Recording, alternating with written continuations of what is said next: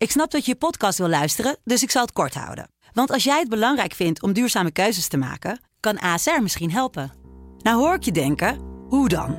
Nou, bijvoorbeeld bij het duurzaam herstellen van schade. Of de premies die we beleggen volgens ons duurzaam beleggingsbeleid. Dat bepaalt waar we wel en juist niet in investeren. Wil je meer weten over welke duurzame keuzes ASR maakt? Ga dan naar asr.nl slash duurzame keuzes. ASR doet het. Zo, dan kan je nu lekker naar je podcast luisteren. Dit is de voetbalpodcast Kick-Off van de Telegraaf. Met chef voetbal Valentijn Driessen, Ajax volgen Mike Verwijn en Pim CD. Een hele goede middag, heren. Het Eredivisie voetbal gaat weer beginnen. Nederlands elftal is achter de rug. Wat zijn zo de eerste gevoelens die bij jullie opkomen nu we hier weer zitten op deze vrijdag? Maar ik denk wel dat we even opnieuw moeten beginnen. Ook niet? Hoezo? Wat is dat? Pim CD, dit is toch Oscar CD? Ja, nou inderdaad ja. Hè? Oscar CD? Ja, nou, nou dit? Be- Beste, ma- beste mannelijke, Jongens, bij, beste jongens, mannelijke. Beste, beste luisteraars, Mike Verwij heeft iets voorbereid. Hè? Hij zit hier al de Nee, hele nee, ochtend nee. op de broeden met zijn handjes geklapt. Je iets vertellen, Mike? Nee, ik- ja. Ik, nou. ik, ik zag iets voorbij komen. De Ja. beste, beste mannelijke bijrol. Ik, ik weet niet, misschien hebben we dat fragmentje ook niet. Nederland gaat de komende twee weken in een volledige lockdown. Zijn dat de mensen die bij u in lockdown gaan? Er is maar één goed reden waarom ik hier zou willen blijven. Ja, ben je fan van Judeska? Ja, zeker, zeker. Alleen, ja, dat, dat ik jou daar tegenkwam, Ja. dat, dat verbaasde me wel. Ja. Ja. wij hebben daar geen tijd voor. Jij, Nee. jij, jij wel kennelijk. Maar Ja. Ik heb er 350 euro mee verdiend. ja, maar wat, eh, hoe kom je daar? eh? Nou, dat is, eh er was een heel geheim project van eh Judeska. Hè, de, maar hoe komen ze bij Pim CD? De, de, iemand van het productiehuis, die ken ik. En die belde me op. Die zegt, ik Dat heb, is je manager. ik heb een mooie rol voor je, zegt hij. Ik zeg, oh, wat dan nou? We, we zoeken een journalist voor eh, de film van Judeska. Ja, ja, daar ga ik geen nee zeggen natuurlijk. Dat is hartstikke leuk om te doen. Dus ik ben naar het oosten van het land gereden. Mocht, niemand mocht er wat van zeggen, totdat die trailer dan naar buiten zou komen. En ik had dus die ene vraag. En eh, ik, moet je, dat dan moet je dus de hele dag wachten. Totdat je dan. Dat is, wel, dat is trouwens wel een mooie anekdote. Hè? Want dan kom je daar dus aan als. eh, nou ja, een beetje ene zinnetje. En dan komen daar allemaal van die eh, lui die dan. van die, die publiek spelen. Maar die, dat, zijn, dat is echt hun leven. Hè? Dus dat zijn echt 10, 20, 30 mensen. En die gaan van film naar film naar film. om maar overal op de Die achtergrond te pakken ook over 3,5 mei Nee, die per dag. misschien minder, maar die worden ook een beetje eh, ja, lullig behandeld. Dus die zitten dan altijd links, rechts, eh, achter in de hoek een beetje vieze koffie te drinken. En ik als, als sterjournalist mocht natuurlijk met, Maar met de grote acteurs mee. en toen was uiteindelijk hebben we dus, Grote Michael was zo, de hele dag gewacht. Michael Douglas ging het regenen. of, eh, Dan ging het regenen. Ja. En dan moet je weer wachten totdat die regen bij. En Judeska die was op een gegeven moment moe. Dus die moest ook weer, eh, weer je heeft de eigen, eigen caravan. maar, Dus dan ben je de eh, hele maar wie zijn dag die in grote touw acteurs voor dan? Wie zijn die eh, grote acteurs dan? God, ja, ik ben ze eigenlijk... Deze Nou, eh. Arjen Ederveen, Arjen Edeveen. die is bekend, toch? Ja. Dat is Theo en- Thea, toch? Van Theo en Thea. Ja, ik moet het verder toch even Maar opzoeken ik- wie die grote acteurs Ik wil zijn. nu allerlei hatelijke dingen gaan zeggen. Tom maar een van de, van de opmerkingen toen ik vroeg of er weer vragen waren... was of we jou iets minder wilden pesten. Ja, En aangezien het vandaag de opstaan tegen pestendag is... het is toch niet te houd, ik, houd ik vanaf nu eh, wijselijk mijn mond. Ik, we gaan er gewoon een hele leuke... Nou, dankjewel. geen litera Ja, zijn, nou- we gaan er een leuke podcast van maken. ik, ik ervaar het ook niet als, eh, als pest door eh, trouwens. Je mag altijd al dat soort opmerkingen maken. Maar ja, jongens, ik zit hier nu nog. Maar misschien dat er een filmcarrière aankomt. Je weet het niet. Nieuwe kansen. Maar heb je het wel opgegeven bij de hoofdredactie of niet? Want dat, Ik heb het niet opgegeven bij de hoofdredactie. Had dat gemoeten? Nou, kan nog. Want nu kan ik Judeska niet meer eh, onafhankelijk en kritisch interviewen. Dat is natuurlijk wel een probleem, ja. Ja, ja we kunnen Ja. wel... Dit is wel een mooie test om te kijken of de hoofdredactie deze podcast luistert. Ja, precies. Nou, dan komt Paul Jansen binnen. hey, maar jongens, het Nederlands elftal. Welk gevoel overheerst zo eh, na eh, Polen uit? Ehm, ja, gewoon de finale van de Final Four gemi- gemist. Finale van de Nations League gewoon gemist. Ja. Kijk, eh, ik heb me wel heel erg verbaasd eh, dat ik dat eigenlijk nergens eh, hoor, lees, zie. Dat iedereen daar maar aan voorbij gaat. Hè? Je hebt gewoon zes wedstrijden gespeeld. En heb je gewoon niet voor geplaatst. En niet tegen de allerbeste tegenstanders. Polen, Bosnië. Nou, Italië was dan goed in, in Amsterdam, maar minder in Italië. Ja, dat is gewoon een gemiste kans. Zeker als je weet dat we vorige keer in de finale hebben gestaan tegen Portugal. En dat heel veel spelers, eh, onder andere ook eh, na dat eh, toernooi, zijn vertrokken voor heel veel geld. Het is gewoon heel belangrijk voor het Nederlands voetbal, voor het Nederlands elftal, voor de KNVB, voor de spelers individueel, dat je op dat soort eh, Ja. toernooien aanwezig bent. Dat in Amsterdam je of in Nederland georganiseerd Maar geweest, het hè? was Ja, wel heel aardig van de. KNVB dat ze tussen jouw column, want Van der schreef een hele kritische column over het niet plaatsen voor de finale en wat het allemaal kostte. en deze podcast nog wel even net de jaarcijfers bekend Ja. maakte. Want de KNVB komt 7 miljoen tekort. En bij plaatsing voor de Final Four hadden ze 7,5 miljoen verdiend. Ja. Dus dat, eh, Het is weliswaar een ander boek, ja. hè, Maar het, het, het Ja. geeft aan dat je gewoon heel veel geld mist. Ook als, als KNVB zijnde. En ja, iedereen gaat daar maar aan voorbij. En ik vind dat, dat je daar best wel vragen over mag stellen. En dat je bepaalde verantwoordelijkheden bij mensen Ja. mag neerleggen. En dan moet je toch gaan kijken naar de top van de KNVB. Want waar het fout is gegaan, eh, in mijn ogen, eh, is natuurlijk bij de aanstelling van Frank de Boer. De late aanstelling. Oké, eh, Ronald Koeman is weg, dan moet je iets doen. En dan kan je de volgende dag als directeur topvoetbal Nico-Jan Hoogma tegen je algemeen directeur Erik, of, Gudde, Erik Gudde zeggen van, nou, wat, wat gaan we nu doen? Wie wordt de volgende bondscoach? Oh, nou, we hebben al een lijstje, want eh, ja, Ronald Koeman is al twee keer benaderd door Barcelona. Hij heeft het twee keer niet gedaan. En de derde keer eh, heeft hij wel toegehapt en we hebben 5 miljoen binnen. Wie willen wij als bondscoach? Nou, dan komen ze op twee namen. Frank de Boer, of eh, Frank Rijkaard en Peter Bos. Die doen het allebei niet. Nou, dat weet je dan om vier uur. Dan kan je een belletje naar Frank de Boer om vijf uur plegen. En dan kan je zeggen van Frank, wil jij wel? Ja, ik wil wel, want ik ben vrij. Ik ben net voor de derde keer ontslagen. Dus ik heb eh, alle tijd om het Nederlands elftal te doen. En eh, oké, nou wat moet je kosten? Eh, hoe zie je het? En eh, nou, dan om acht uur kan je handtekening zetten. Maar de KNVB eh, vond het nodig om daar eh, nou, meer dan 30 dagen over te Zorgvuldigheid, hè? ja, Ja, ja, maar, zorgvuldigheid. Maar je kan ook moet, ook nog, eh, moet ook nog betrokken worden. maar, maar als je het reconstrueert, want die naam van Henk ten Katen die zong rond. Maar die schijnt intern eigenlijk best wel snel doorgestreept te zijn. Nou, Louis, Louis van Gaal was geen optie. Ja. ze hebben natuurlijk naar de spelers geluisterd. Maar ja, Van zegt acht uur s'avonds had het rond kunnen zijn. Ja, laat er vijf dagen of tien dagen overheen gegaan zijn. Maar nu gingen 37 dagen overheen. En als je er 37 dagen overheen laat gaan en je komt met een type als, eh, ja, noem eens wat, eh, Pep Guardiola of Ja. eh, een, een, een nog veel grotere naam. Nou, nog veel groter kan niet, maar Nee. een- ook een grote naam. Ja, dan kun je er lang over doen, want dan moet er natuurlijk gemasseerd worden en dan heb je heel veel gesprekken nodig. Maar Frank de Boer was vrij en die wilde Holland naar Zeist. Dat wilde hij natuurlijk dol en dol graag na zijn avonturen in Ja. Atalanta of eh, Atlanta eh, bij Crystal Palace en bij Inter. Ja. Dus ja, waarom dat zo lang duurde? Want daarmee werd eh Dwight Lodewegers natuurlijk veel te belangrijk gemaakt. Ja, maar dat over, over Dwight Lodewegers nog even. Hè? Want het is dus inderdaad van, nou ja, je, je kan het zorgvuldig noemen, maar het heeft gewoon heel lang geduurd. Maar wordt die rol van Dwight Lodewegers niet een beetje te groot gemaakt? Want ja, weet je, dat, die stond ook een beetje in het verlengde van Koeman. En misschien heeft hij Wijnaldum rechtsbuiten gezet. Maar ja, Nou, met die drie punten tegen Italië had je gewoon gekwalificeerd geweest voor de Final Four van de, van de Nations League. En maar misschien hadden ze die met eh, Frank de Boer ook wel verloren, die ja, maar misschien ook niet, want Frank de Boer die kwam later dan eh, tegen Italië te spelen. En toen deed het Nederlands zelf wat veel beter. Met een gelijkspel waren ze er ook geweest. Met een gelijkspel, eh nou zou ze er ook zijn geweest. Maar wat was er nou het- nog meer wat hij niet goed deed dan? Wie? De, de Lodewegers. Nou, hij, hij week gewoon eigenlijk volledig van de lijn af. Er was een bepaalde lijn en dat had onder andere eh, te maken met eh, eh, de paai in de spits en Wijnaldum daarachter. Nou, Wijnaldum werd ineens naar de rechterkant gedirigeerd. Kijk, als dat nou een oefenwedstrijd was en je zegt van nou ik wil het gewoon een half uurtje proberen. Nee, maar dat ging echt... dit, dit was heel belangrijk. Het was een Nations League wedstrijd. Ja, Wijnaldum naar de rechterkant. eh Dumfries eh, die, die kwam terug, die was vader geworden. Eh, nou, dat is gewoon de vaste back van het Nederlands Ja, elftal. dat is wel gebleken. Ja. Hatenboer blijft staan. Bergwijn wordt naar de bank verwezen. Ja, er waren allerlei veranderingen. Hm. Plus, er werd een totaal ander systeem ineens gespeeld. Uit, uit het niets. Er, er, er kon nauwelijks op geoefend worden. En ineens uit het niets komt er een ander systeem. Omdat wij het Lodewegers denkt zo Italië te kunnen verslaan. Ja, denk ik, ook, dat had met Frank de Boer niet gebeurd. Misschien had Frank de Boer ook met een ander systeem. Maar dan had Frank de Boer daar langer op kunnen trainen. Die had daarmee bezig kunnen zijn. En zo. En, en ja, die schat ik toch wel iets hoger in dan, eh dan Dwight Lodewegers. Ja, en je, dus- je, je vraagt wat er fout ging. In Nederland werd ook een helft echt compleet ondersteboven gespeeld. En hij zag het voor zijn neus gebeuren. En er werd Dat gewoon niet. totaal niet, ingegrepen. Nee. Dus er, er was ook geen plan B. En als jij vindt van ja, met Frank de Boer hadden ze die wedstrijd ook kunnen verliezen.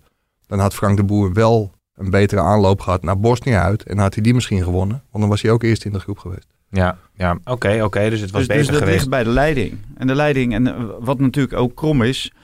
eh, normaal gesproken zou je zeggen, eh, Nico-Jan Hoogma en Erik Gudde, die worden dan beoordeeld door de commissarissen. Eh, en dat zijn dan Jan Smit en, eh, en Han Berger. Alleen die kunnen eh, hun directie niet eh, eh, echt beoordelen hierop, omdat zij een rol hebben gespeeld in Mhm. het aanstellen van Frank de Boer. Ze hebben ook gesprekken gevoerd met, met Frank de Boer. Nou, en dat, dat, vind ik gewoon een, eh, in de hele structuur van de voetbalbond, daar moet je vanaf. Een, een raad van commissarissen, die zijn er gewoon om toezicht te houden en om de directie te beoordelen. En dat kan in dit, dit geval niet. En dan roepen ze van, ja, wij moeten toch weten wie de bondscoach wordt. Je krijgt het wel te weten, maar uh, toetsing gebeurt dan achteraf. Uh, of er een goede beslissing is genomen door je directie. Nou, maak het een hele hoop uit. En aan het eind van de rit maakt het niks uit, want de KNVB gaat gewoon door uh, hoe, ze, uh, hoe ze zijn begonnen. En uh, Frank de Boer mag gewoon blijven. Dat vind ik helemaal terecht ook, dat, dat hij mag blijven, want die heeft daar geen schuld aan. En aan het eind van na het EK, dan gaan Jan Smit en Erik Gudde die gaan weg. Hè. Die hebben dan de leeftijd bereikt om te vertrekken. Dus iedereen vindt het allemaal wel prima. En ja, ik denk dat je daar toch wel je vraagtekens bij Kritischer naar mag kijken. In het, het is ook een oude directietruc, hè? Gewoon je, je commissarissen in zo'n procedure betrekken. Want daarmee maak je ze mede verantwoordelijk. En dan kunnen ze nooit meer als controlerend orgaan echt ingrijpen. Hmm. En ja, dat gebeurt zo vaak. En daar moet je als commissaris echt heel beducht voor zijn. En gewoon zeggen van nee jongens, ik hou afstand. Want dan kan ik je wel goed beoordelen. Ja. Maar je, je begon volgens mij met de vraag van welk gevoel bij Oranje is blijven hangen. En toen zei Valentijn, nou ja, dit gevoel. Maar ik denk dat het gevoel, of waarom er zo weinig kritiek is op deze keuzes van de directie, ja, dat er toch een soort kentering gaande is en dat het voetbal onder de boer wel beter wordt. Er worden resultaten geboekt. Dus dat verbloemt een beetje, waar we het net eh, de afgelopen Ja. minuten over hebben gehad. Ja, er is wel één punt wat natuurlijk opvalt. Dat is het aantal kansen dat het Nederlands elftal toch tegen twee, nou ja, subtoppers, middenmotors eh, op, eh, op voetbalniveau heeft gekregen. Daily Blind daarover. Ja, ik denk dat je inderdaad ziet dat we wat hoger op het veld druk zetten. Eh, waar we voorheen vaak toch eh, compacter en verder inzakten. En eh, ja, eh, dat moet er ook eh, beter ingeslepen worden misschien. Dat heeft tijd nodig. Eh, maar ja, je ziet wel dat we, dat we graag vooruit willen. En eh, ja, we moeten, zullen veel lering moeten trekken uit, eh, uit de countermogelijkheden die we tegenkrijgen. Ja, er is veel kritiek op, eh, op Blind ook, hè? Ja, daar kwamen ook vragen over. En kijk, als je het heel sec, Zeker. bekijkt, dan eh, was het verdedigingsduo dat er nu stond, dat was be- bepaald geen Matthijs de Ligt, Virgil van Dijk. En op Daily Blind viel verdedigend heel veel, eh, heel veel aan te merken. Maar hij staat daar omdat er een aantal andere spelers niet is. Ook Nathan Ake eh, viel af. En Daily Blind brengt ook heel veel. Ajax Live bracht toevallig een hele mooie ja, hoe heet dat, pass map. En daarin zag je wel dat Blind aan de bal wel heel erg belangrijk is. Dus hij heeft ook wel een hele belangrijke functie in het elftal in balbezit. Maar dat het geen Virgil van Dijk of Matthijs de Ligt is, dat, eh, dat is duidelijk. Nee, maar inderdaad, de, de vragen die dan opkomen is... is Blind niet over zijn hoogtepunt heen? Nou, Johan Derksen zegt dat ook eh, geregeld eh, de laatste tijd. Het is natuurlijk wel, als je gewoon naar de televisie zit te kijken... af en toe pijnlijk om te zien als die ruimtes groot worden... Ja, hoe Blind er op snelheid, op handelingsvermogen af en toe gewoon uit wordt eh, gevoetbald. Ja, maar met, daarvoor moet je hem juist ook beschermen. Dat weet je. Dus, dus je moet eh, als medespeler moet je je zo opstellen dat dat niet kan gebeuren. En hij is gewoon te belangrijk, wat Mike zegt, aan de bal, in de opbouw. Hij zorgt ervoor dat het Nederlands elftal van achteruit aan het voetballen toekomt. Maar Hmm. als Davy Klaassen, hè, die wordt eh, geroemd, eh, ja, vond ik eh, tot dusver eh, iets overschat. Ik vind ook dat Davy Klaassen een veel betere speler is dan Martin Droom. Maar hij moet wel in de discipline blijven voetballen. Hij is gewoon, gewoon verdedigende middenvelder. En hij, het enige wat hij bijna doet is iedere keer opduiken in het 16 meter gebied van de tegenstander. Ja. Terwijl hij moet juist zorgen dat die organisatie goed blijft staan. En dat Blind goed kan voetballen. En dat de rechtsback en de linksback niet alle twee tegelijk weg zijn. Hè, want dat gebeurde ook iedere keer. Ja, dan komt Blind te zwemmen. Maar daar kan Deli Blind in feite niks aan doen. Want ja, ik denk ook dat Deli Blind met de Matthijs Ligt zich ook wel hebben bewezen. En het is echt niet zo omdat hij nu ineens eh, de 100 meter in eh, vijf seconden langzamer loopt. Nee. Deli Blind als eh, twee jaar geleden met Matthijs de Ligt. Dus ik vind, ik vind het gaat voor mij gewoon eh, veel te ver. Ik vind het een uitstekende speler. Ik zie hem ook graag eh, voetballen, omdat je als elftal gewoon aan het voetballen toekomt. Ja, ja, En dat ja. het elftal uit elkaar valt, dat heeft ook met de ervaren jongens te maken die dat elftal veel meer moeten sturen. Ja, mag ik met jullie wel vinden heel veel de stellingen doen en dan mag jij daarna door, Mike, want het, het, het, het loopt Maar- zo mooi in elkaar over. Ja, dit gaat wel even over Daily Blind. Maar Ja, ga, dat- hou ga, vast, ga, hou- ga je hou gang. vast, Ik hou hem vast, ik hou hem vast. De stellingen.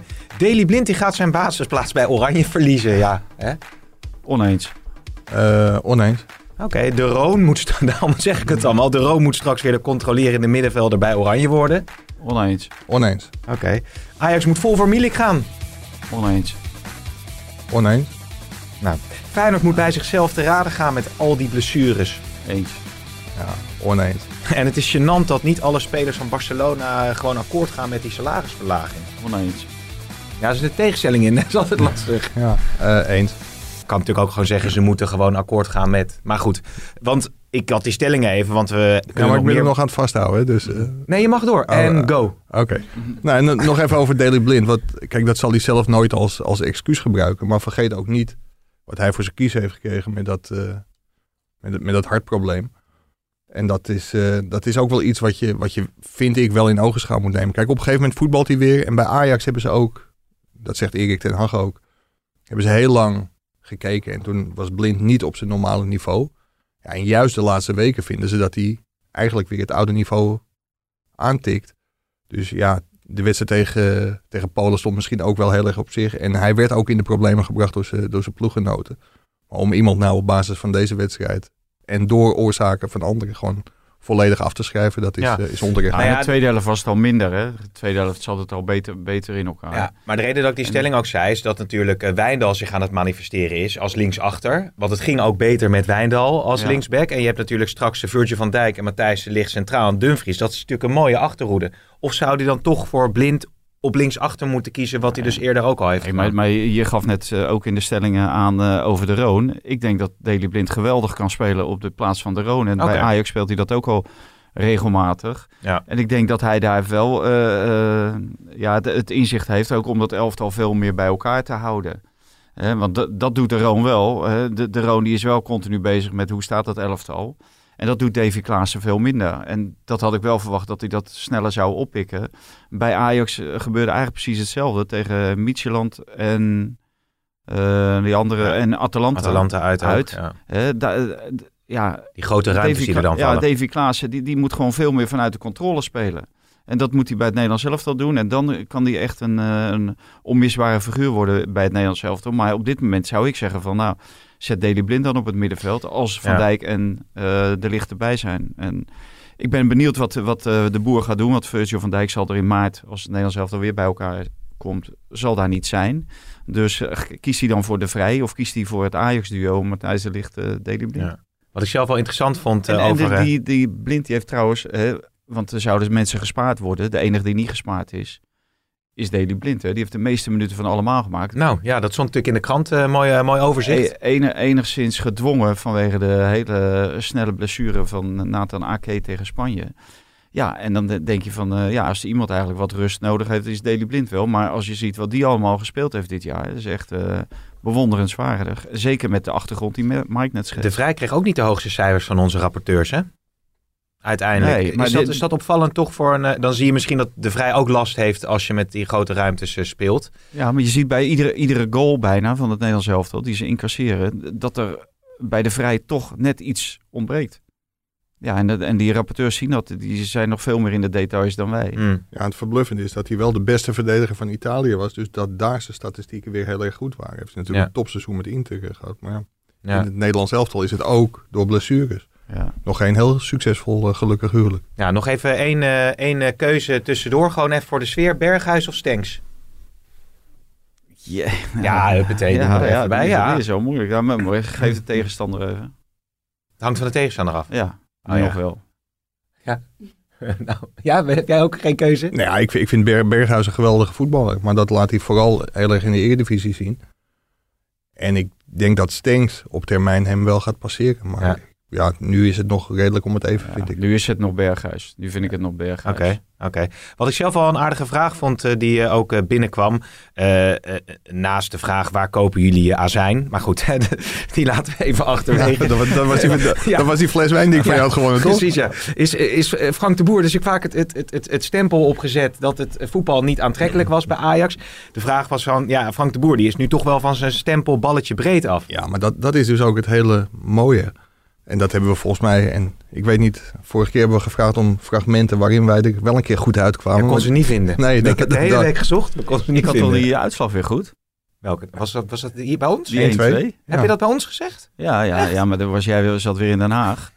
Hè? Jij zat weer met Woutertje. Oh, met Wouter de Winter. Ja, je hebt dat in de video gezegd. Echt ja. waar? Ja, ja. Oh, Nee, maar, Nou, leuk. maar wat, wat wij wil, of wat ik wilde zeggen, wij hebben in het verleden veel gezegd dat Frank de Boer eigenlijk heel offensief en leuk en goed begon bij Ajax. En ik kan me wedstrijden tegen Manchester City, Barcelona herinneren.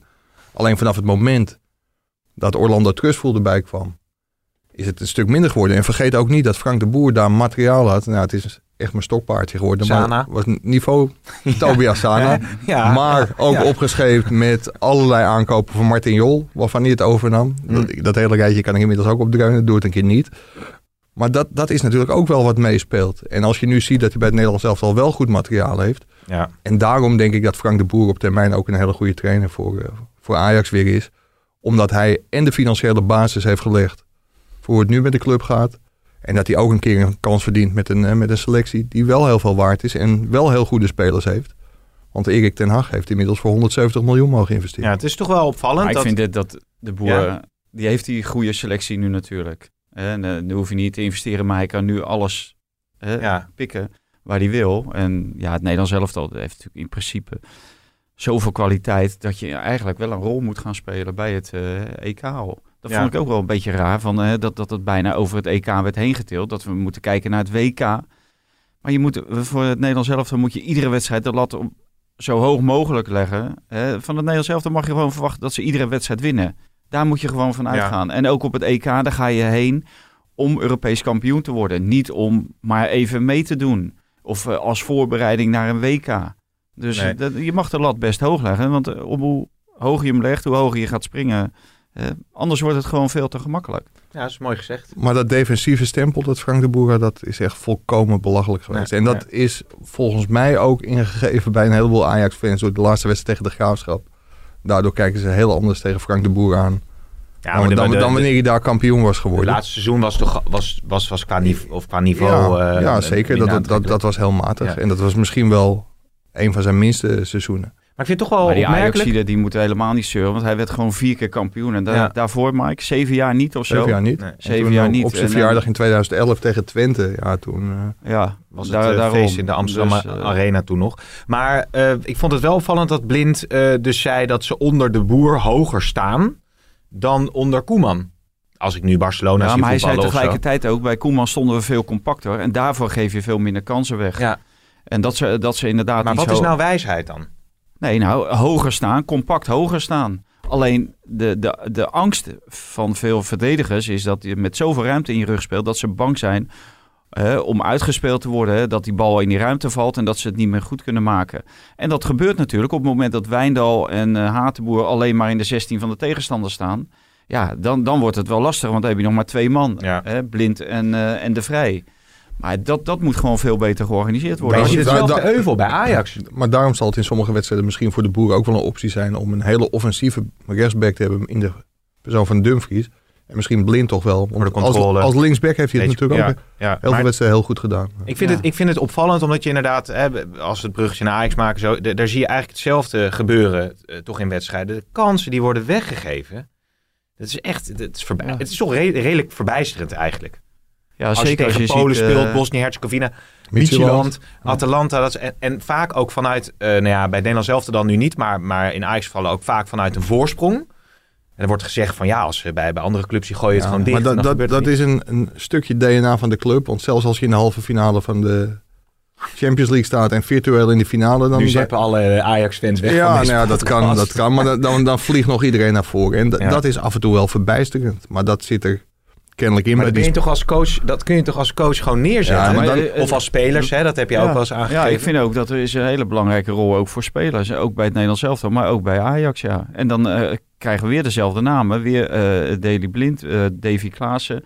En dan bij het Nederlands elftal heb je dan ook nog eh Wijnaldum, eh Depay eh, rondlopen. Ja, daar moet gewoon veel meer aandacht aan besteed worden. Ja. Ja, ja, ja, ja precies. Nou, eh, in ieder geval geen eh, finale van de Nations League, maar ook wel weer goede ontwikkelingen gezien bij het Nederlands elftal, waarin de boer weer wat nieuwe keuzes heeft gemaakt die het wel weer verrijken, Ja, toch? ver- Eh, ver- verfrist. verfrist in ieder ja. geval. Ja, en het kan alleen nog maar heel veel beter worden. Met, want als je het lijstje zag met alle afwezigen, dat was Ja. natuurlijk gigantisch. Ja. Van Dijk, dat duurt nog even. Maar een aantal jongens komt natuurlijk ook gewoon snel terug. Plus de aanwas vanuit Jong Oranje. En, en, en, en moet, eh, moet eh, het eh, Nederlands elftal of de, de coach, coachingstaf ook naar Kleiber gaan kijken? Inmiddels? Ik zag het voorbij komen. Dat was geloof ik Ja, ergens geopperd bij, bij de NOS, naar ik meen. Het, het is natuurlijk een publiek geheim dat Frank de Boer bidt dat Kenny Tete bij Fulham wel gewoon gaat spelen. En niet al- alsmaar geblesseerd is. En wel gewoon een hele serie neer gaat zetten. Want in potentie is dat misschien wel de back achter, achter Dumfries. Maar als die niet gaat voetballen, ja, dan komt misschien zelfs Kleiber wel in, eh, in beeld. Maar ja, die, die speelt niet bij Ajax, eh, Ja. normaal gesproken. Dus Nee. ja, dat, dat is plan eh, Q, denk ik. Maar ja, precies. Maar Hatenboer, dat is nu wel duidelijk dat die Ja, maar liever niet Klei- als, als laat die basisrechtsback ook eens op staan. dit- niveau. Die heeft nog geen, geen Nee, enkele nee, goed. Ja, wedstrijd ik, zag het, ik topniveau, zag het toevallig voorbij. Ik weet niet of jullie het ook gezien hebben. Ik zag het ergens voorbij komen. Dus ik vond het wel opmerkelijk. Ja, Ah, ik Maar- vind Bart Nieuwkoop ook wel aardig misschien. Zo, hè? Maar, maar, maar, ja, we hadden het net even over jongeren en de aanwas. Die Doken heb- Smit van Cambuur. Ja. Die zag ik gisteren toevallig. Doken? Doken? Doken Smit? Doken. Doken Smit? ja, Misschien als Van der Wiel weer gaat voetballen bij RKC. Dat, dat, Ja. eh, dat, hij- dat hij wel weer in beeld komt. Gewoon een, gewoon een WK-finale gespeeld, hè? nee, ja, nee, ja, nee, dat klopt. Ja. maar ja, daar hebben we natuurlijk wel meer eh Nee, onzin- Nee, onzin nee, natuurlijk. Weet weet. Maar Nou, we hadden- die eh, dingen, die, eh, die arts van de Graafschap, die werd gespaard door eh. Mike Snoei. Maar die jongen, die had er gewoon direct afgehaald moeten worden. Dat ja, maar echt dat, daar sta je als trainer toch ook bij? ja. Daar sta je als trainer ook bij. Dan moet je echt belachelijk, echt belachelijk. Ja, jij, jij was was een botsing. Ja, een- help me even, want dat heb ik even gemist. Ja, er was een botsing bij een eh, corner van eh Cambuur. Daar eh, klapte twee de graafschapspelers. Die Baas en... eh wie was die andere, Mike? Ja, die hele lange Ja, centrale verdediger. centrale ik ben zijn naam verdediger, nou. En die jongen die, die liep het... eh, ja, die wist absoluut niet meer waar die was, zeg maar. Die, die liep te dwalen over dat, dat veld Mhm. en die lieten ze maar staan. En er werd nog een keer gekeken. En eh, ja, op een gegeven moment was het gewoon eng om te zien. En na afloop stelde Vincent eh, Schildkamp eh, bij Fox, die stelde echt goede vragen. En dan reageerde die Mike Snoei geprikkeld op. Maar het was gewoon een volledig terechte vraag. Die jongen had er gewoon afgehaald moeten Die was worden. gedesoriënteerd. Ja, ja Maar- en, hoe heet dat, wie weet wat er in die bovenkamer allemaal kapot is of door, door elkaar geschud. En zo, dan moet je gewoon het zekere voor het Ja. onzekere nemen. En die commentatoren zitten met oortjes, dus vaak wordt er ook vanuit de studio ingefluit. Maar Vincent Schildkamp die zei het echt direct tijdens de wedstrijd. Dus dat kwam echt van, van hem ook van, Hm. ja weet je, dit is onverantwoord. En Ja. dat, dat, was het ook. Maar die jongen heeft denk ik nog eh, drie, vier minuten doorgespeeld. ja, ja, het was En toen is hij uiteindelijk wel eruit, eh, ja, en eruit toen, liep hij langs de zijlijn alsof hij eh, drie flessen whisky eh, had, Heftig. had leeggedronken. Heftig, Ja. heftig. Hey, en jij zei Jong Oranje, nog even, tot slot. Ja, nou, over de, over de potentie en dat het alleen maar beter kan worden bij Oranje. Valentin heeft daar ook een column eh, over geschreven. Hoeveel, hoeveel columns schrijf jij in de week? eh? Ja, dat vraag ik me af. Meer dan Ja. jij verhalen. Hey, eh, even opstaan tegen pesten dit, even rustig. eh, rustig met Ah, me. ik vind het geen pest, hè. Het is Nee, een nee. klaagstootje, dat moet kunnen, toch? Maar ehm, nee, over Jong Oranje. Ja, we hebben daar een, eh, een mag geen bondscoach zeggen. Het is de coach van... eh, van Oh, God van der Looy bedoel je, ja. Dat Ja, verhaal. Ja, die- dat die- is inderdaad ook... Nou, ik die- las dat... Ik vond dat verbijsterend om te lezen, eerlijk gezegd. Ja. Ja. Ja, over het feit dat Van der Looy zegt dat als een speler bij het Nederlands elftal wisselspeler is en een Jong Oranje speler, dan moet hij mee met Jong Oranje. Moet eigenlijk opgeofferd worden om, om Jong Oranje aan succes te helpen. Ja, Want voor die spelen voor het EK. Het, is dat het, is je- goed het- voor zijn het jeugd- ontwikkeling. Het met, jeugd-EK eh, dan, ja, toch? met leeftijdsgenootjes en jongens die... eh, Ja, maar dat lijkt me toch, dat kan ik me haast niet voorstellen dat dat, dat, dat, dat erdoor komt. Nee, dat komt natuurlijk Nee. niet door. Dat zou werkelijk Maar dat is eh, van echt de gekken verzocht. zijn. Nou ja, de, Van der Looy die, die heeft dat natuurlijk geroepen van de week Ja. na die wedstrijd tegen Portugal die ze verloren. Ja, Maar- en dat- echt waar, dan denk je van, nou, dan, dan snap je echt helemaal niks van topvoetbal. Werkelijk waar. Eh, Kijk, het Nederlands zelf is gewoon het allerbelangrijkste exportproduct, voetbal-exportproduct wat we hebben. En dan moeten gewoon de, alle spelers moeten er gewoon van de eerste tot de laatste minuut beschikbaar zijn voor Frank Ja. de Boer. Ja. En het, het zou zelfs zo moeten zijn dat als er Frank de Boer 27 of 28 spelers wil selecteren. en daar zitten vier jeugdspelers bij. dat die dan maar niet naar dat EK Nee. gaan. Dat, dat hij alle ruimte krijgt. Want stel je voor, er ra- raakt iemand geblesseerd. En dan kan, kunnen mensen zeggen: ja, de nummer 18, nummer 19 spelen nooit. Nou, je zal de, ze de kost moeten geven. De nummer 18 en 19 die wel aan spelen toekomen. Mhm. En nog een belangrijke rol spelen.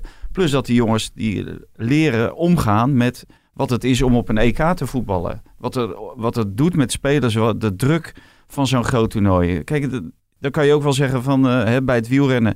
Nou, dan rij je lekker de driedaagse van de pannen. Ja. Want ja, daar, daar, eh, daar kunnen die jonge jongens wel. eh, ja, en dan niet in de tour. Nou, je moet die renners horen. Nee, maar is echt heel iets anders. wat, Ja, wat, tuurlijk, mij- maar- wat, wat mij in deze wel heel verbaast is dat je daar als directeur betaald voetbal of, of weet ik veel, eh, Topvoetbal. topvoetbal ge- geen afstand van neemt.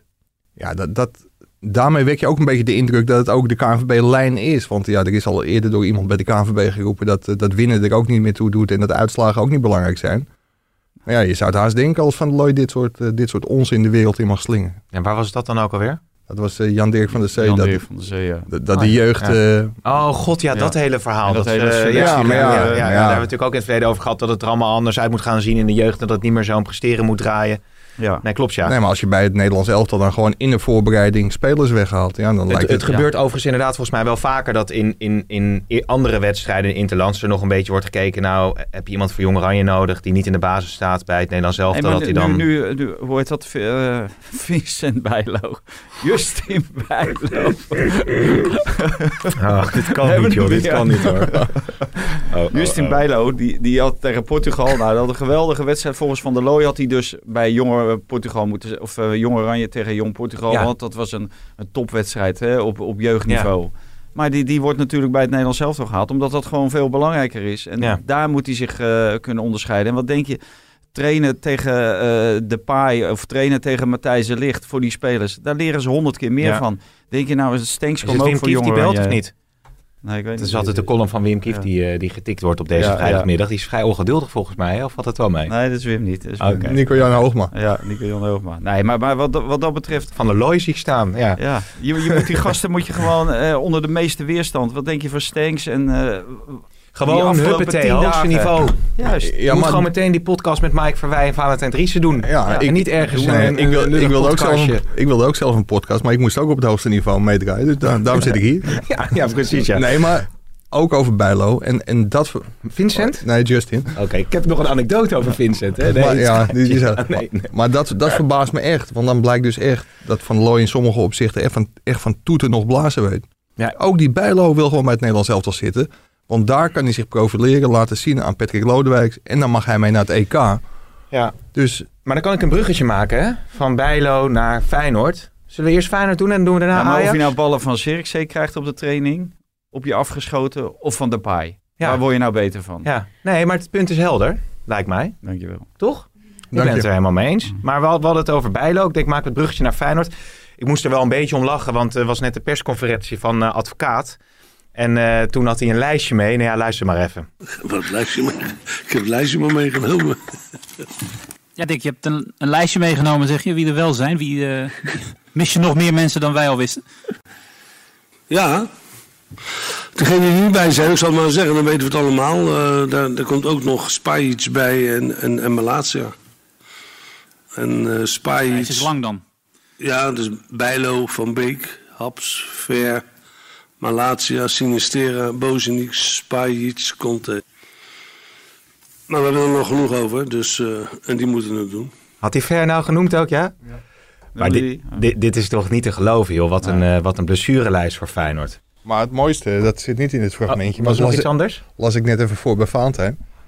Dick Advocaat zei uit zichzelf bij dat het niet aan de medische staf eh, lag. Oh, precies. Ja, ik had het dan even- liggen dus ik- aan de Ik trainerstaf. had voor onze video-opname even snel nog Ja. eh, het begin van de persco geluisterd. Maar blijkbaar had hij er daar dus nog een toe- toevoeging aan. Maar dan ligt het aan de trainerstaf.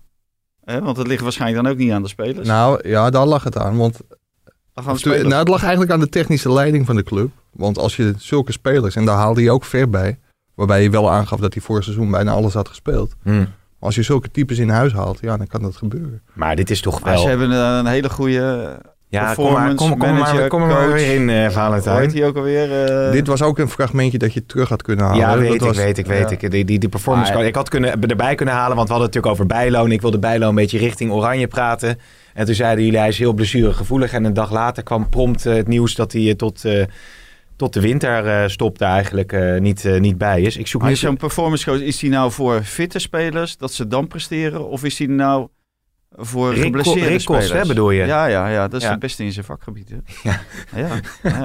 Nee. Geef ook cursussen en zo. Hè? Ja, daar kan je over Voor, inschrijven. voor de luisteraars die niet elke week luisteren. Je had een tijd geleden Dick Advocaat eh, kritisch ondervraagd over de kwaliteiten van eh, die performance eh, manager Rick Kos. En hij was daar heel lyrisch over. Die zou een internationale carrière gaan maken. Ja. En jij zei eigenlijk van ja, als je nu gewoon kijkt naar Feyenoord, wat is hij dan eigenlijk aan het doen? Ja, ik was eigenlijk te vroeg. Want als je nu kijkt naar Feyenoord, is het helemaal dramatisch. Het is nog erger geworden, hè? Ja.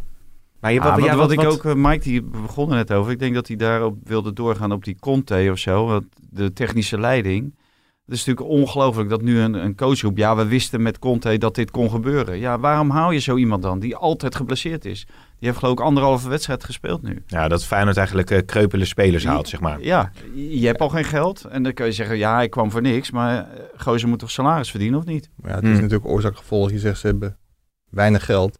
Ja, dan ben je natuurlijk ook heel erg beperkt in je mogelijkheden. Maar dat betekent niet dat je een speler moet halen die nooit voetbal. Nee.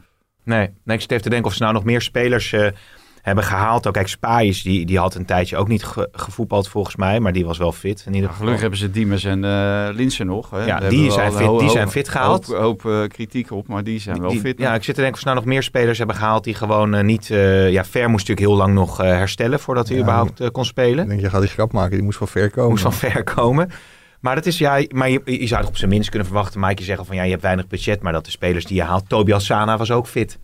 Ja, en die scoorde de eerste twee wedstrijden drie keer. Ja, ook nog. ja, precies. En toen dacht iedereen dat, dat, het... Dat zou toch een minimum moeten zijn? Nee, maar de, kijk, je, je haalt die naam weer aan.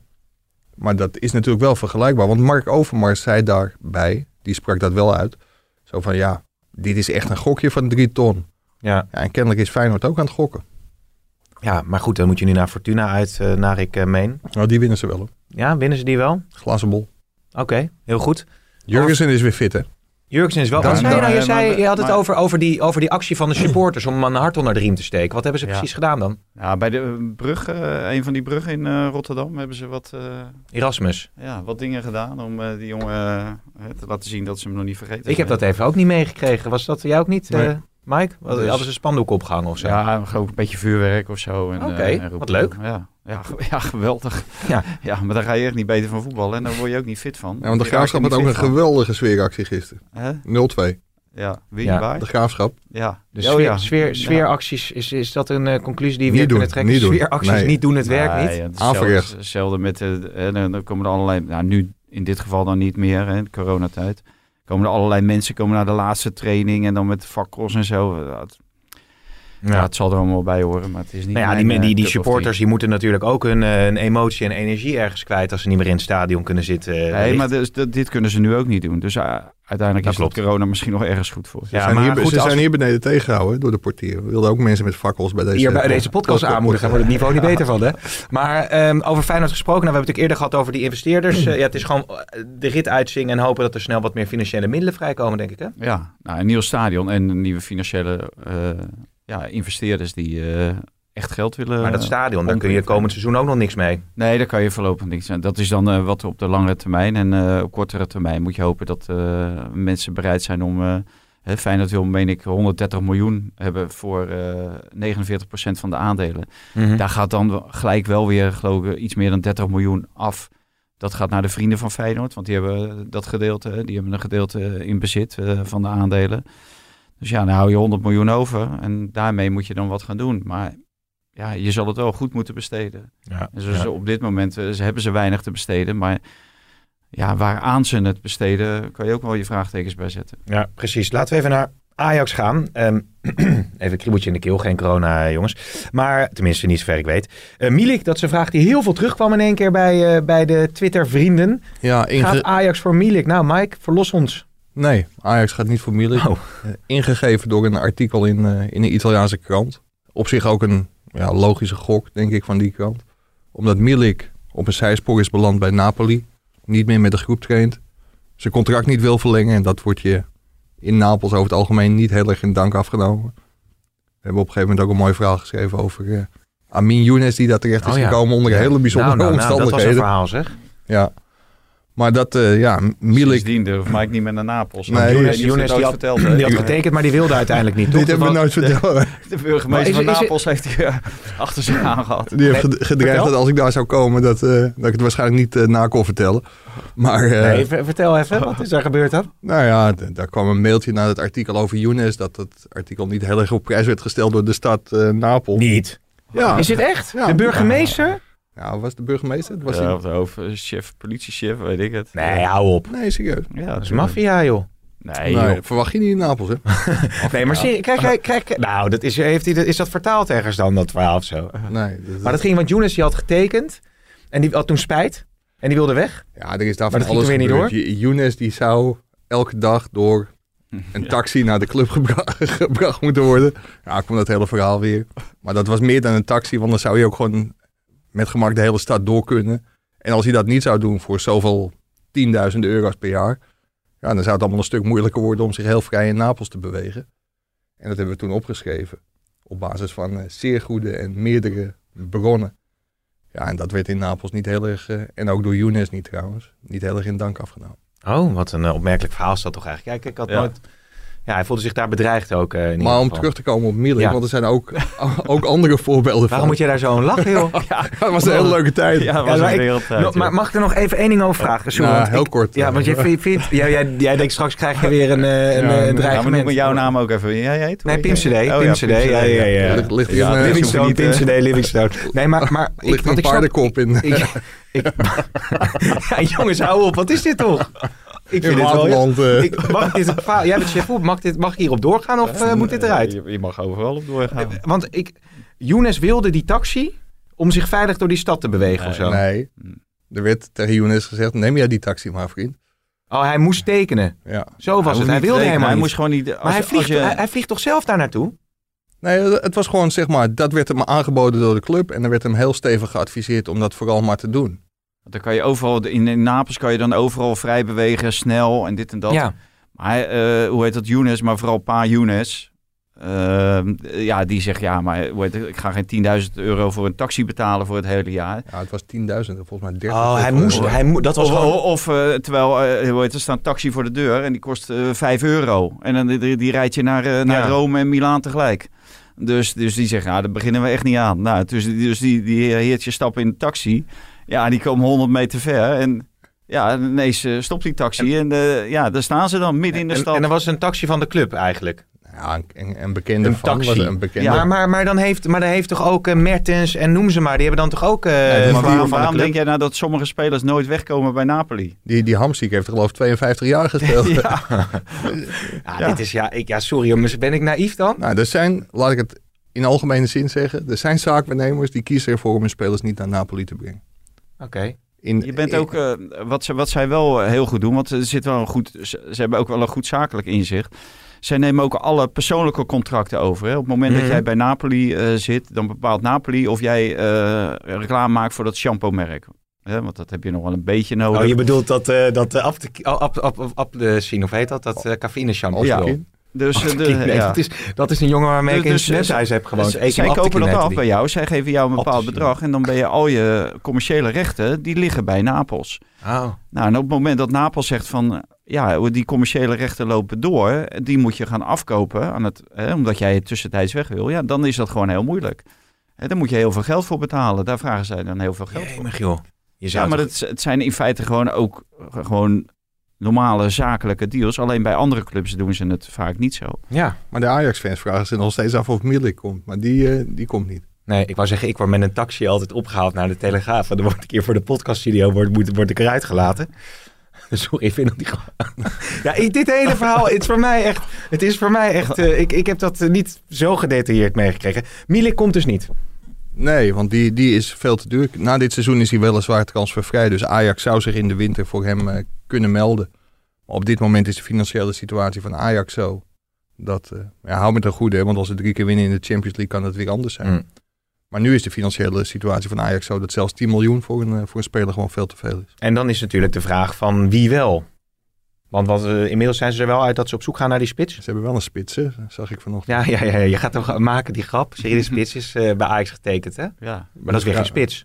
Nee, nee. Dus Spits is geen middenvelder, toch, geloof ik? Of verdediger? Middenvelder, middenvelder ja. aanvoerster, toch? Van Ja, Maar goed, we- Record International. Nee, Ajax Zonder- is wel aan het speuren, maar dat, dat is natuurlijk heel moeilijk. Want een goede spits kost heel veel geld. Of je moet iemand huren, maar je kunt meestal alleen iemand huren van een topclub als hij helemaal niet in het riedeltje voorkomt. Ja.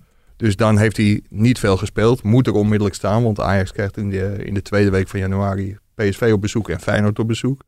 Dus dat is een hele moeilijke zoek, zoektocht. Maar Hmm. Ajax is wel op zoek naar een spits. ja, en hoe zit het met Anthony eigenlijk? Want er kwamen ook veel vragen over binnen. Ja, dat is heel lastig. Wij, uh, we waren laatst, uh, laatst op de toekomst. Daar liep hij met een hele grote glimlach, stak zijn duim omhoog. Dus toen kregen we de indruk van, nou, dat zal allemaal wel meevallen. Hij heeft zich ook niet in Brazilië gemeld voor, uh, voor de wedstrijden van de Olympische ploeg. Mm -hmm. Maar ja, we kunnen geen trainingen zien. En Ik weet niet of hij, eh, of hij op vrijdagmiddag heeft getraind. Nee. Dus ik weet ook niet of hij erbij is tegen Heracles. Oké, en verder, eh, Mike, bij Ajax nog eh, ontwikkelingen die het vermelden waard zijn nu in deze podcast? Nee. Godsamme joh. Hè? Het is rustig. Ja, het maar is- dat, dat komt ook omdat er voor de winterstop ja, geen topduels worden gespeeld. Ja, Ajax had natuurlijk niet bij Groningen mogen verliezen. Zo'n wedstrijdje kan er tussendoor, tussendoor schieten. Glippen, ja. Maar normaal gesproken moeten ze tot de winterstop elke wedstrijd winnen.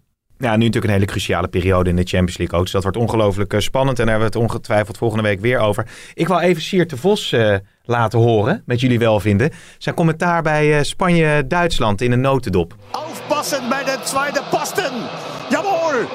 Boom. 3 zu 0. 4 zu 0. Jawohl. En daar is het dan eindelijk raak. 5 zu 0. Meine Damen und Herren. Unglaublich. Die Mannschaft wird Hackfleisch, wird verblättert. 6-0. 6-0, 6 zu 0. Jawohl. Gute Nacht, Freunde. Es wird Zeit für mich zu gehen. Ja, dat, nou, dat is echt, echt ongelooflijk, hè, dit. Maar begrijp jij nou dat Ongelooflijk. sommige, Niet zo gelopen. ja, Niet sommige zo vast, mensen gewoon Vast. overschakelen op de Duitse tv? Hè, uit, uit leedvermaak, want dan ben je de zielenpoot. hè? Ja? Ja, te- Vind je? terwijl we natuurlijk, terwijl we Siert de Vos hebben. Maar Ik moet Dit bekennen, ik heb lopen zoeken net naar een fragmentje van de Spaanse of Duitse televisie. Ja, nou, maar Siert was eigenlijk leuker. dus even, even kort samengevat, zielepoot. Siert, ik ben een zielenpad, maar zou Ja, die dat hoor je- beste dat- dat Ja, hoor dat ik hoor vind dat toch wel leuk. Ben je- Ja? Heb jij dat nooit Nee, gedaan? nee, als, dat heb ik echt als Nederland gedaan. met vijf van Spanje wint, Nee. nee. waren we in het stadion. Maar dat je dan even naar de Spaanse televisie Nee, nee, gaat. nee, even- totaal, nee? nee? dat heb ik helemaal niet. Ik heb, Oh. ik heb niet zoveel leedvermaak. Nee, Nee, Eh, Dani Olmo is trouwens een aardige speler toch wel, hè?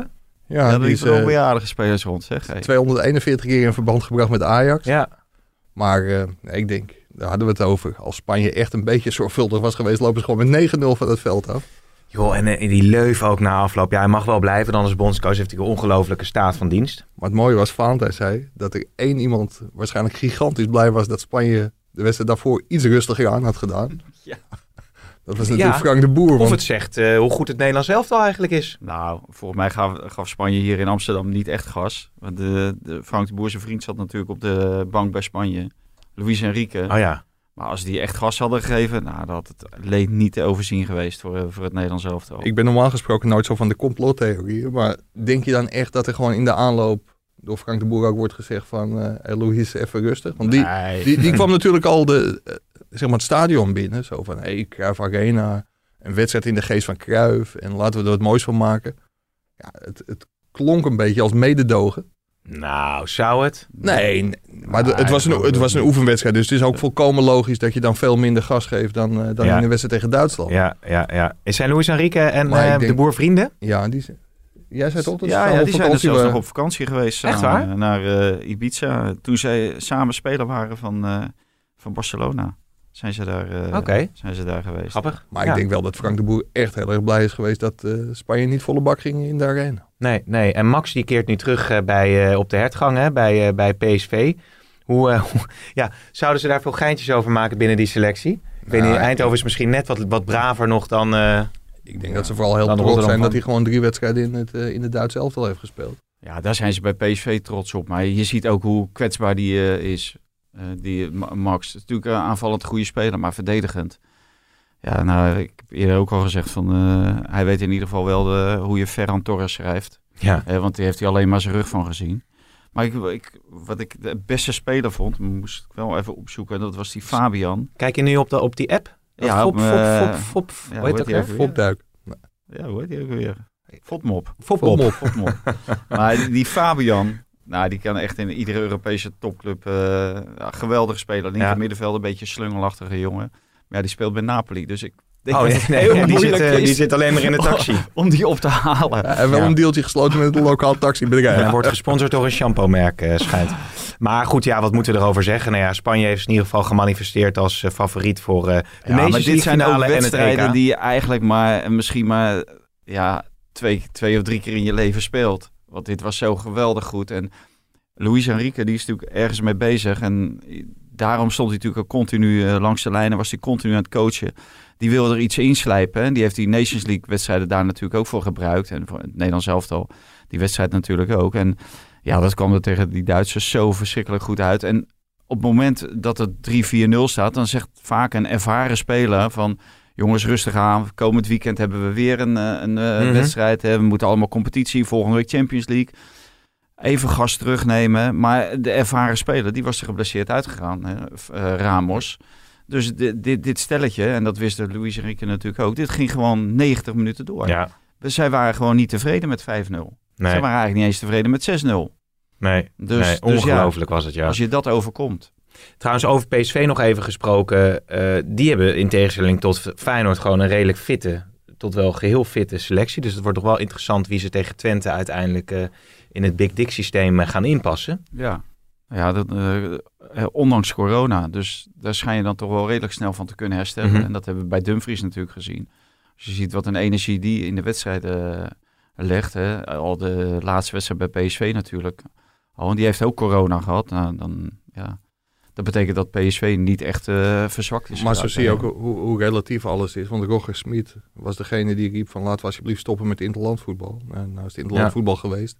Hij heeft nul besmettingen. Ja. Want het, het was opeens ook geen thema meer in Eindhoven. Zijn Nee. de- Maar wat wel interessant is bij PSV is dat daar nu, nu toch op het middenveld en in de aanval spelers buiten de boot gaan vallen die ofwel een grotere naam hebben ofwel heel getalenteerd zijn. Maar Noé bijvoorbeeld was zich ontzettend goed aan het ontwikkelen. Nou, die zal misschien die speler Gakpo hebben. Je hebt Sahavi, je hebt Malen. Ja, maar, je maar, hebt- dan, maar dan krijg je dat soort verhalen van ja, maar die is naar Amerika geweest. Dus die nemen we nu even in bescherming. Die houden we aan de Oh kant. ja, Dus, nou moet ja. hij zo een beetje de boel eh, bij elkaar Ja, houden. je Van Ginkel weet ik niet wanneer die trouwens fit is. Is dat Nee. bekend? Over, over kreupele spelers eh, aangetrokken gesproken. Ja, Dat duurt nog lang voordat hij fit is. Ze moeten in ieder geval naar Twente. Wordt een interessante wedstrijd. zeker. Gaan we kijken hoe Tegen dat de, loopt. tegen de topscorer van de Eredivisie, tegen Danilo. Benieuwd of die, eh, of die Ajax een goede dienst kan bewijzen. Ja, ja, zullen we nog heel veel over Barcelona hebben? Want dat Hij is, is nu- van Ajax, hè? Ja, nee, dat weet ik. Ja. Maar de luisteraar misschien, die denkt... Oh, nee. Wat, eh, Nee, gaat die, nee, begint precies. die Mike weer Nee, over de, want. Overmars zei dat hij, dat hij goed bezig was. Ook, Ja. eh, Ten Hag zei dat. Ten Hag zei dat. Oké, Ja. oké. je hebben bent we niet dat- scherp, hè? Je zit Ik vind mezelf Nee, ontzettend scherp. nog met je hoofd in Den Haag, of niet? Ik zit alleen maar bij het politieke, politieke wel nieuws. een En bij, en bij die interview film. heb ik eh, met hem gezien met eh, onze vriend Jesse Klaver. Ja, hij nou, dat is dat topinterview. zegt. deed hij echt... eh, Nou, het ging over die, goed. die nummer 9 op de lijst bij GroenLinks. eh, die eh, Type spits. diepe spits.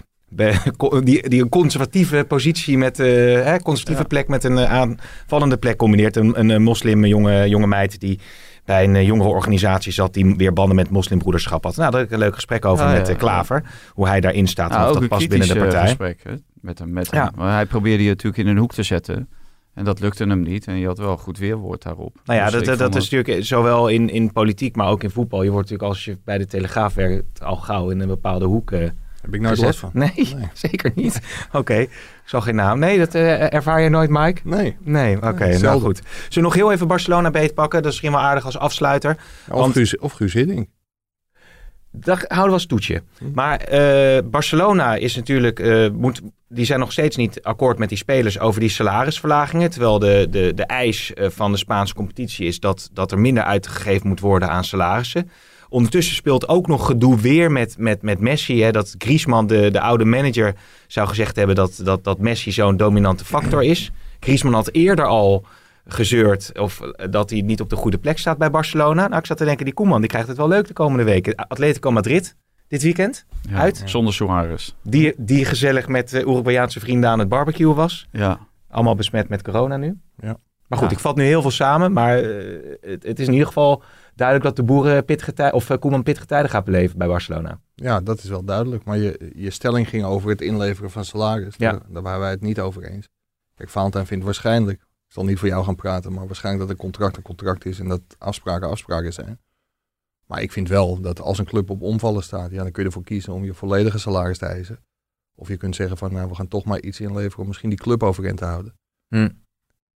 En dus ik vind het volkomen logisch als ze wel in het. Iets Ja, inleveren. Het is alleen niet iets natuurlijk. eh, kijk, eh, als dit zo het geval zou zijn, dat die club zou omvallen, maar daar geloof ik niet zozeer in dat die club omvalt, want het is de Catalaanse trots, zeg maar, dus dan komt er ongetwijfeld geld vrij. Maar het is de bedoeling dat die salarissen zeg maar, over langere tijd worden uitgesmeerd. Eh, bijna Ja. dezelfde salarissen voor, over langere tijd. Dus nou ja, denk ik, ja, daar, daar, daar kan je dan eh, daar kan je het mee eens zijn of mee oneens. Ja, de, de een eh, die ziet Barcelona gewoon als een, eh, een tijdelijke stop in zijn carrière. En die ander, bijvoorbeeld Messi, ja, die, die, is zeg maar groot geworden. En die heeft alles in zijn DNA, is Barcelona.